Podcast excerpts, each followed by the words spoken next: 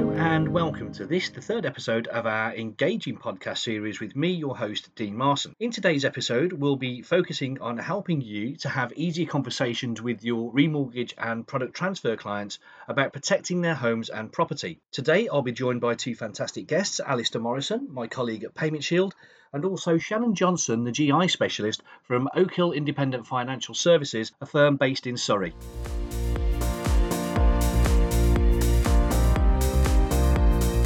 We're talking about um, a tricky subject this time out, uh, which is remortgage, uh, and we've got loads of ideas how we should broach the subject and how brokers can can start selling at the point of remortgage. But we're trying to find the, the silver bullet, the holy grail, if you like, to, to try and help brokers introduce it into their, their sales process. Yeah. So what I want to talk about is your experiences, the meetings you have with your your brokers, your principals, and what what information you get from them, and what you've done to help people incorporate it in their day to day for Remo. But before we start, I just want to throw in a statistic which I know I've used previous on on, a, on another podcast, but I'm going to say again because I think it's really important. Thirty-four percent of consumers said they would be happy for advisors to review their insurance during a remortgage or product transfer meeting even though they may not expect them to. I think that's still quite a shocking statistic. It doesn't matter times I actually say that to myself. 34% of people want to talk about buildings and contents insurance. Yeah. What would you say your current conversion is for, for your brokers from remortgage? When I say conversion, I'm talking about saturation rate. Yeah. What would you say your saturation rate is at the moment for your brokers when they're doing remortgage business? With the exception of a few, not great. Yeah. I would say. Well, so let, let's let's play higher on it. Is it higher than 34 or is it lower than 34? Uh, it's lower than 34. Yeah. Yeah, and, and I get exactly the same. But using that statistic, 34% should be the benchmark, I, I feel. There was another statistic that I saw that I thought was particularly interesting that sort of ties in with this. It's from a This Is Money survey where more than 50% of those surveyed said they chose their current provider to offer the cheapest deal. Uh, and there's a, somewhere around um, that same mark was with clients that didn't know what they were covered for. So you've got the 34% of clients will be more than happy to talk to the GI, and then you've got 50% of clients chose the cheapest deal and also don't know what the terms and conditions are on a policy. So if we take that that fifty percent statistic you're talking about there, when you talk to your brokers, when you say that to them, what's the reaction you get? You 34% people want you to speak to them about it, and you 50% or whatever percentage it is. And I say to them as well, like the way to ask your clients if you if you even don't want to listen to what I'm saying, if you go out and you pick your next 10 Remo clients and you ask them who they're insured by, and then tell me how many of them know, and we'll see where we are. So I kind of just you're trying to labour the point that a lot of people buy insurance because of the, the it's the nature of it all, isn't it? It's the way it's driven by price through through marketing online and things like that, and also because historically, and this is this is obviously changing, which uh, I think you've talked about in a previous podcast, it's not been seen as that important. So that by the time the client comes to exchange, if they haven't already bought something cheap as chips online just because they need it, the solicitor then tells them you need this, and they go out and they buy. And it's sort of a reactive sale, I suppose, um, if that's even a term. And then you know, three, four, five years down the line, you had a policy that that may have been right for you initially. One of the many presentations we've done about various claims that are rejected because of the way questions have been answered. Yeah. Um, you know, so so the, the remortgage time, you know, if it's two years, if it's five years, if it's ten years, whatever the, the rates are, then it, it it's really important just from a customer angle for someone to prompt them with that, and, and you know, there's a there's a clear there is a need there. It's just sometimes the client perhaps isn't aware of it. But you know, if you if you're a first time buyer, you go and you buy your policy online and you might be moving out of mum and dad or from a furnished apartment or whatever the case is and you probably 20,000 might be enough at that point. But then you realize how empty your house is and that you probably do need a bed and, and other things like that. So you then go out and you buy all this stuff. And now, how many first time buyers, I'm just using these as an example, will then remember to change that £20,000 contents cover level, do we think? I would say probably not that many. Yeah, um, you're right. So there's all there's all kinds of factors that you talk about that it just yeah it it, it you you need it, it's there's such a such a, a need there for the client it's just that they are not aware of it, and, and perhaps the the advisor uh, might not be as well, just to, to quite the extent. Do you know one thing I, I, I find quite common is no one understands what being underinsured actually means. Yeah. But uh, it, it's certainly something that I spend a lot of time when I'm talking to brokers, particularly guys that are just getting into into the industry or or that are just embracing GI. The, the one thing I spend a lot of time talking about is underinsurance and, and how that can be catastrophic for, for clients. and that's when you, you, you sort of go beyond like these a payment shield proposition. These are our key selling points. Actually, the biggest key selling point is you, Mr. Mr. or Mrs. Advisor or Miss. Um, you know, by actually explaining that one thing can be just massively important. Not just in home insurance. Like if your car insurance is underinsured, the same thing's going to happen. So that, that's a, that's a massive selling point. Yeah, under insurance for the, uh, just around the, the, advice aspect of it. When we talk to people and they say, "Oh no, actually, uh, I've got insurance already," and I'm happy where I am. Mm. If we leave it at that and, and, move away, and I had this discussion with a broker the other day, if we just leave it at that without actually asking some follow up questions, as you rightly said, well, who are you insured with to start with? Yeah, yeah, yeah. When did you take that insurance? Has anything changed since you did it? And when you took it, have you taken any advice at any point? And you know what? Sometimes, how much are you paying? You know, you ask a client how much they're paying and they don't know. And, and advisors have then gone through the monthly payments and gone, okay, so what's that there? Oh, I thought that was my life insurance. No, that's your home insurance. It's £40 a month. you know, so it's uh, there is some sometimes it, it, can be that even that simple as just like what are you, what are you actually paying? Yeah. So this is um, yeah, there's there's more than one way to skin a cat, but it's uh, if for those who have been trained in the past by who's already been a guest on the show, Neil Parfit, he'll spend a lot of time talking about open questions, and those are kind of open questions like just asking, prompting for some information that the client probably won't have, and just trying to see. Then you can take it from there as to kind of create the the idea that if you don't know who you're insured with, how confident then are you that it's going to do what it needs to? Yeah. So. Yeah, and, and, and again, from one thing I was going to talk about next is how how can the advisor start this conversation? How can we make it a, a part of the process? And, and I think one thing that a couple of guys that I deal with have actually started doing now is saying, look, if you send me your buildings and contents information, so at the very least, if anything happens to, to you and your home, you know that I've got a copy of that. So if you can't find it anywhere and you don't know who you're insured with, at least you can just phone me as your financial or your mortgage advisor, and, and I'll have a copy on file. Mm. And, and, that's just a, a, little additional service. There may not be anything. Yeah. You might look at that policy and go, no, that's absolutely perfect for you. That that's correct. But I've got it on file, so if you need it, you know where to come. Yeah. So yeah, is there a little hint you would give that you've either got from a broker or you you've helped a broker out with that you've picked up from somewhere? If you were going to look to embed it in your your remortgage sales process now, what would be? And I'm going to put you on the spot. What would be the one thing that you would recommend that they do? Make it part of the documents your client needs to remortgage. That's what that, that's not you know that's not my recommendation. That's what uh, a couple of accounts I've got have built into their process that if you have like a portal online, which some do, add that document to the documents required for the remortgage if you can. And, you know, uh, or it's just as simple as when the, the advisor has the initial conversation, part of the process will offer you a, I don't really like saying free, but like a no obligation review, maybe something like that. It's part of the service. We just need your schedule. Can you get that across to us with the rest of the documents we need? It's all process. Like I think you you talk about this a lot. It's like GI is very very process. Possibly everything is, yeah. but I can only speak to specifically for GI. It's really about the process more than anything. And if you can build that from the outset and get that schedule, then you've got a starting point. I think that's probably the biggest thing for me. So if you get a pushback from, I'm, if I'm a broker and I say, well, I've tried doing that, but the client says to me, well, I don't want to send it to you. I don't need to send it to you. Why do you want it? What would you respond there? There's so many different things you can use there in there. Uh, we just want to review the home insurance for you. It's part of the service. There's no obligation. It's if you want to use the word free, that's fine. It's absolutely free. Just to make sure that your home is properly covered. If we are remortgaging for you, we need to go through that process with you to make sure that what we're remortgaging is then going to be sufficiently covered. To, to start with, it's it's somebody's duty to make sure that the insurance that you've got is sufficient to cover the property. So if that rebuild isn't high enough to cover the rebuild of your property, the lender won't accept that insurance anyway. Now yeah, that that yeah. has always fallen with the solicitor to do that check, but and this is not my own opinion. I stress that now. But the feedback I get from brokers and from from their clients as well is at no point does the solicitor really ever demonstrate that they either understand what it needs to be or confirm that they've done it. Yeah.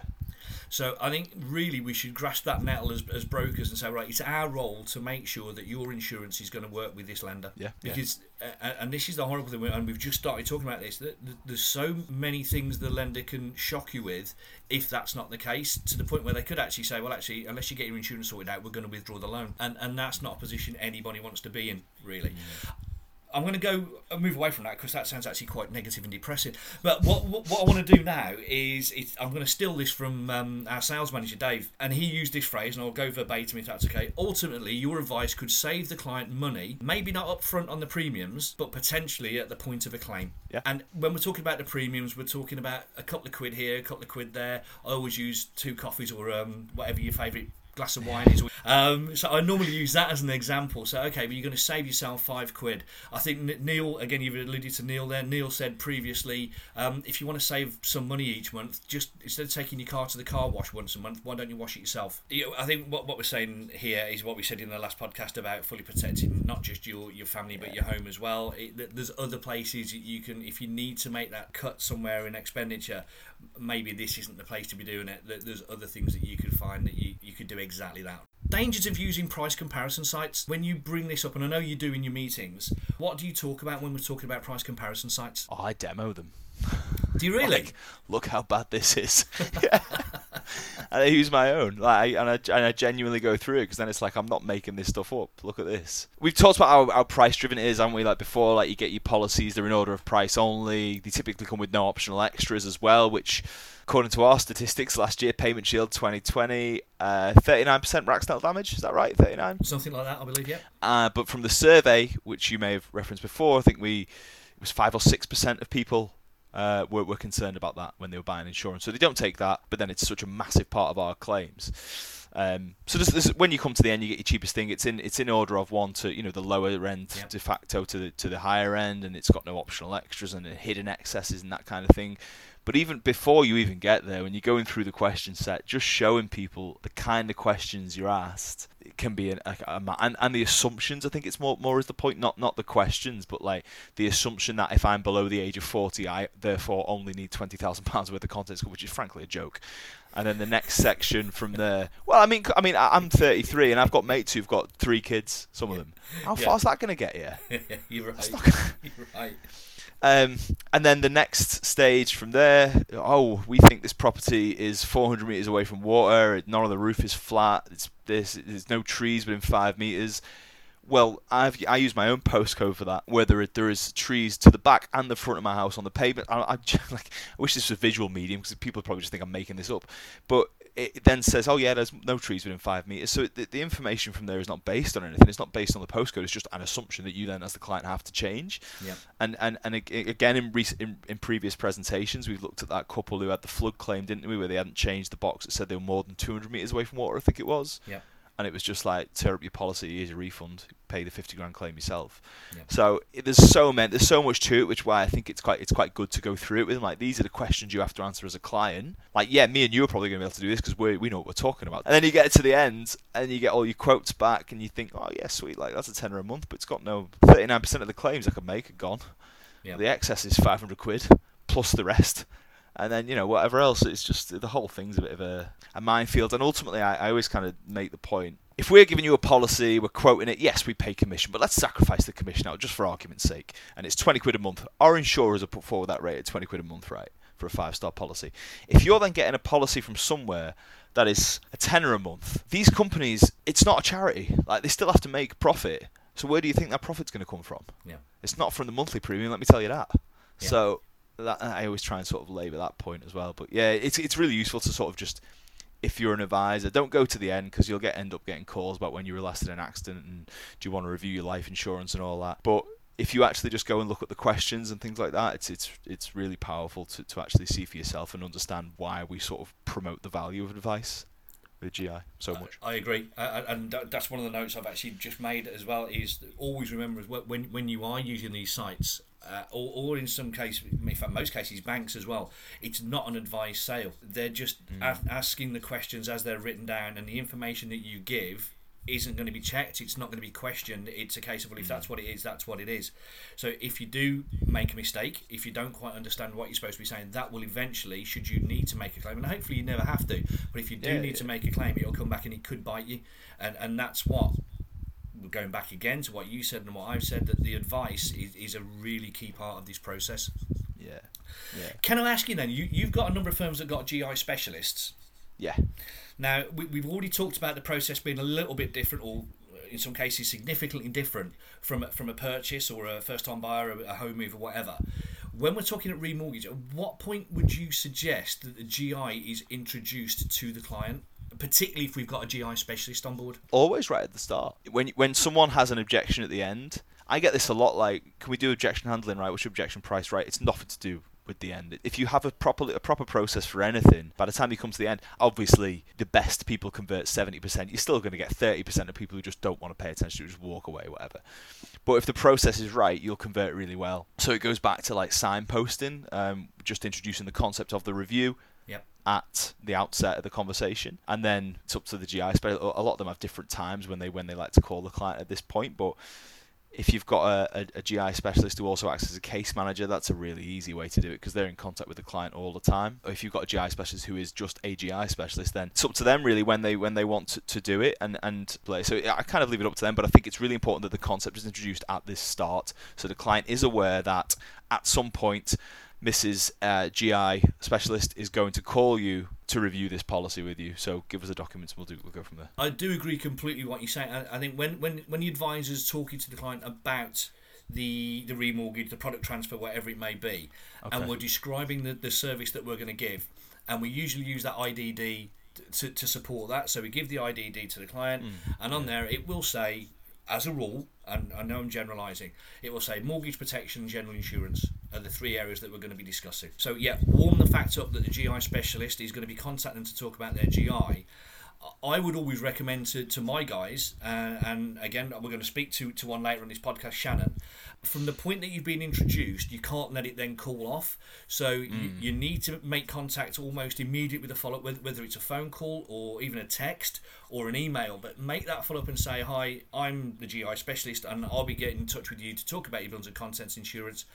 These are the reasons why we do it. Yeah. But again, at that point, I, I wouldn't let it go much past the point where the valuation has been done. Now, with remortgage, this is this is a tricky subject, and I understand that because most remortgages are done as a book valuation. As a rule, there's very few physical valuations done at remortgage, um, and I know that's what the brokers will tell me. And I know sometimes you don't know that that valuation has been done, but you will know from the interaction you're having with the lender as to whether we're now moving on to the offer being produced. So it's massively, massively important, I feel, that the GI conversation, in exactly the same way as a protection conversation, would take place with the client prior to that offer being sent out by the by the lender Yeah. because my own experience and, and that of a lot of the brokers I speak to, the minute we get to the words that we say, Great news, Mr. Client, I've got your mortgage offer, less open to conversations about policies that are then going to cost them more money that they didn't actually need to get the mortgage offer. Yeah. I think the reason I'm saying any, I, I'd never let it go beyond offer stage ever. Yep. Um, but the reason you could do it because you might be able to, you could probably do it slightly earlier with GI because you, you, it's not like you're waiting on an exchange date, so you've got to worry about the quote validity periods and things like that. So you know, with with our quote validity period is 90 days through lockdown. Obviously, things got a bit more stretched with conveyancers. So sometimes you had to call the client, make them aware who you are, and then book them in for a call. Maybe in a month. You know, you had to sort of manage the time frames a bit more carefully. Yep. Whereas with remortgage, you're not sort of waiting on them moving. Like they still need to insure that house then, or you can wait till if you feel closer to the offer, closer, you know, that that kind of thing. So there is a time frame, but I'm sort of more easy with when you want to introduce that concept, if you like. Whereas with a purchase, you'd be like off a stage. Yeah. You need it then straight away. Get on him. Um, or at least book the appointment in for close to the time, something like that. That's all. That that's always been my recommendation. But yeah, no. So that's that's what I mean when I say I'm sort of slightly more relaxed about it. But you never let it. Yeah, you need, you never Yeah. let it go beyond Brilliant. Brilliant.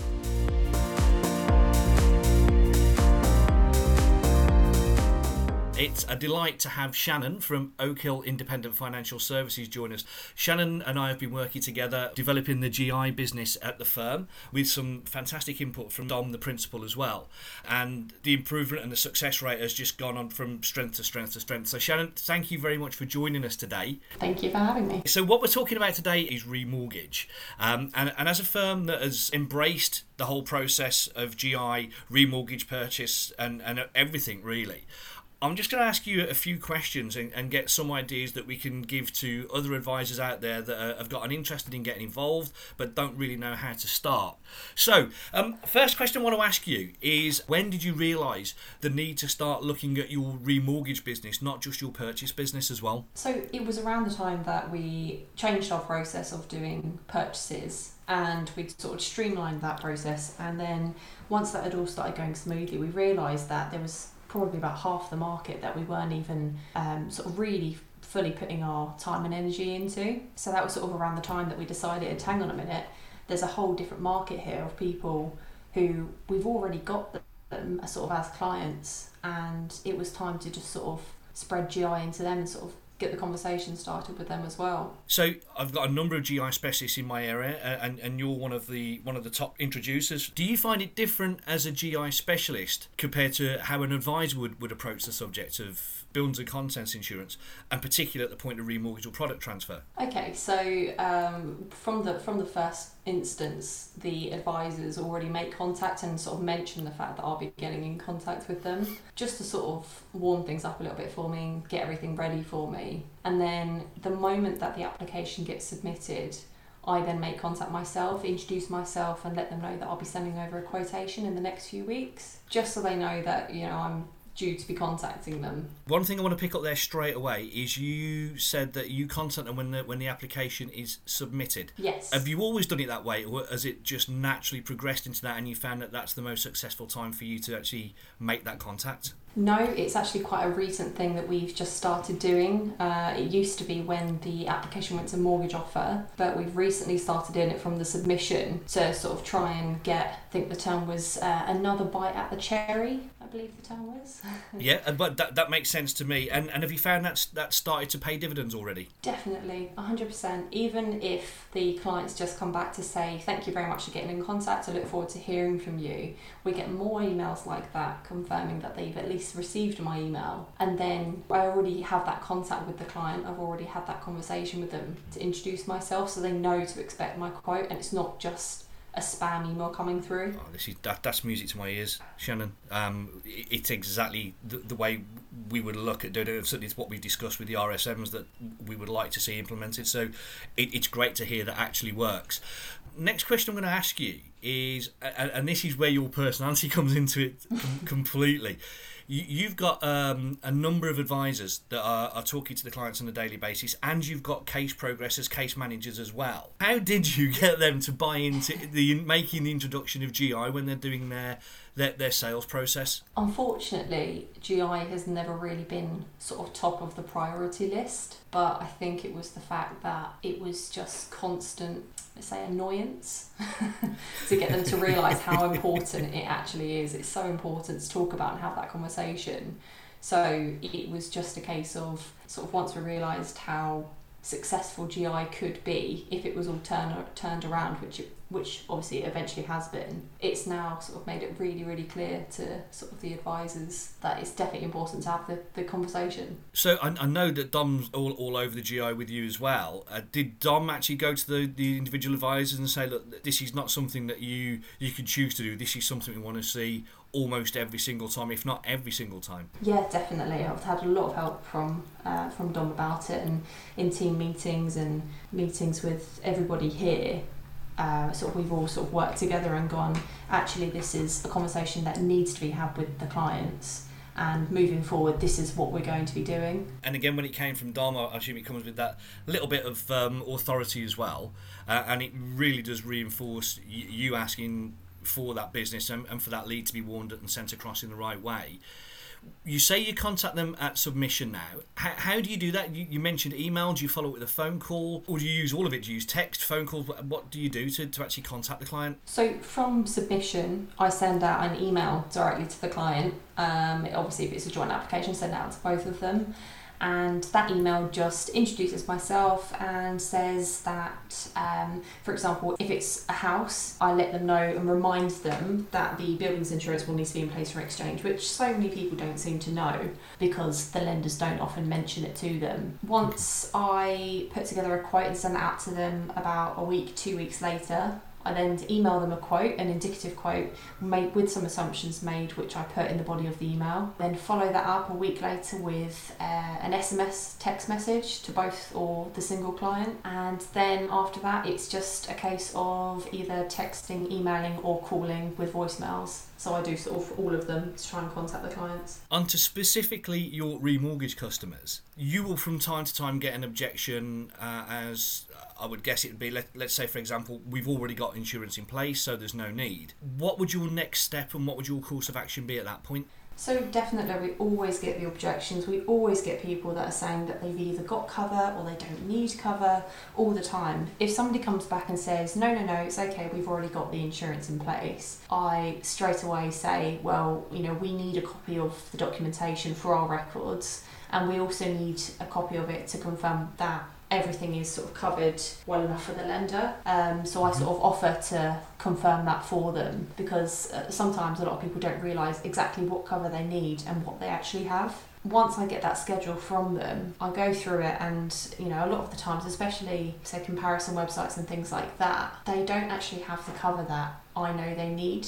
So after I receive that, I look through it, I make the conversation with the client, and I sort of let them know, hang on a minute, it's a great, you know, it could be a greatly priced policy that you may have, but it doesn't necessarily cover you fully. And then I sort of go from there and discuss what, what they could have, and for say only slightly more a month, they could have a fully comprehensive policy. We're basically now comparing product to product, not price to price, which is exactly what those price comparison sites do. You're actually taking a client on a journey that says, well, hang on a minute, yeah, we can get it cheap over here, but do you know what you're actually buying? Uh, and then you remind them or you, you educate them, for want of a better word, that their policy isn't just a tick box policy, it's something they're going to actually rely on should the worst happen further down the road. And we want to make sure we get it right, and that may mean it costs a little bit more. Yes, definitely. What I wanted to ask you is if you were going to make a recommendation to a broker, or you were talking to brokers, what would you recommend that a broker does if, if if there was two or three things that we'd go for, what would you say they should implement into their process to make it easier to start this conversation? It would just be make sure that you know what you're talking about. Everybody wants to know that the person that they're buying something off of knows exactly what they're talking about. So read all the policy wording, read all the summaries and the IPIDs, everything you can just to try and get as much sort of information about it. Familiarise yourself with it as much as possible. So product knowledge would be the starting point. Definitely. Okay, I, I agree totally. I think one reason that a lot of people don't talk about buildings and contents insurance is because we don't understand it ourselves. We were talking about being underinsured earlier on in this podcast. If we don't know the answer to the questions, we tend not to allow ourselves to be put in a position where we're going to be asked something where we we're going to struggle. So I would agree completely with that. Is there anything else you would say process wise that you think is important if, if we're trying to improve our hit rate? Because obviously, when we're doing this, we don't just want to talk about it, we want to we want to close the sale so we get paid on it. Is, is there something that helps you with, with that as well? Yeah, definitely. There's um, a new, actually something new that um, I've been trying recently. Actually, one of your tips, funnily enough. um, and it was so when contacting a client, if uh, you know, a lot of the time during the day, if people are working, they can't answer the phone, so it goes through to voicemail. Beforehand, I would say, you know, hi, it's Shannon calling from Oak Hill about the your household insurance. Please, can you give me a call? But now instead, I don't mention what it's regarding. I say who I am, where I'm calling from. Please give me a call back as soon as you can, and you know, obviously phone number, and then, and then that's it. And I let the clients I guess come to me now because if, if I call a client and I say oh I want to talk about insurance the majority of the time I wasn't getting back the sort of the responses that I knew I could get. And it's only since sort of changing that process that people are calling me back so much more often saying hi hi I've received a call from you. Potentially thinking it's about the actual purchase or yep. remortgage or but you know and then as soon as i have them on the phone i say to them actually do you realize that you really that we really need to have this conversation about insurance very true one of the words we were uh, tricks of the trade is what i was i was going to say um, when i was setting that that question up. And, and i think that's exactly what that is. It is a bit of a trick of the trade. But again we only learn that from a little bit of experience that you, you will improve your, your, your callback rate. When people think it's actually something that's fundamentally affecting what's going on, they tend to be more uh, responsive, and, and and there's nothing wrong with that at all because, as you've rightly said, the buildings and contents insurance, the GI, is as important as every other facet of, of the, the mortgage process as well. Definitely, definitely. It's all well and good having, you know, a mortgage and everything like that, but if you haven't got insurance to cover the, the, the actual property, if, if the house were to burn down or something like that, you know, the lender's still going to expect the mortgage payments, so why not cover your property? Is there anything that you, if you, if you were going to speak to, to brokers, if you were going to say today you had, you had a room full of brokers that were standing in front of you, you were going to give them one uh, I used earlier the phrase silver bullet. Is there anything that you haven't talked about? Is is there anything that you'd throw in that you think would help them? I'd say just don't be afraid to, to keep trying to contact the client. If you haven't made contact with the client already, maybe they haven't responded to an email or they haven't come back to you after a voicemail was left, you know, don't worry about feeling like you're calling them too much or contacting them too much. Just just keep on and on because sometimes, you know, emails go into spam folders, people see a voicemail but they don't get a chance to call back straight away and then it slips their mind, you know don't be afraid to just keep trying to contact the clients until you get hold of them. Yep. Sometimes you, we think we're going to annoy people. Definitely. The bottom line with, with what you what you said there is, I'm trying to help the client. Definitely. What we're going I to would- talk about could save them a fortune down for, down the line or further down the line. Not necessarily on the premiums, but when it comes to claim time, there could be something they, they and it's not their fault. it's Something that's been missed out on that cheap policy that they've bought, uh, and you're the person that's going to save them all that heartbreak and, and grief and stress.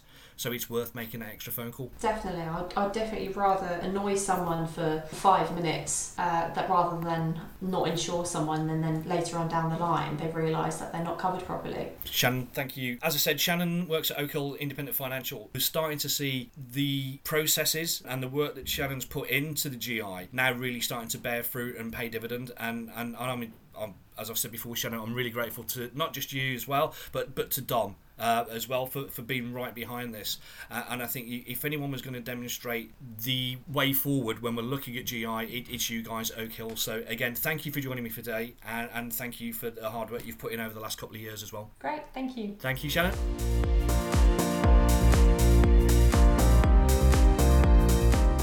If you enjoyed listening to our podcast, don't forget to subscribe to or follow our show on your preferred podcast app.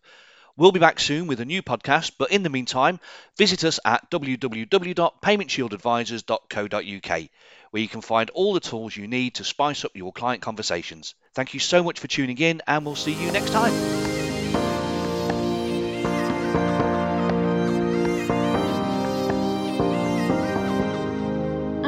Reminder, this podcast is intended for financial professionals only and shouldn't be shared with a non professional audience.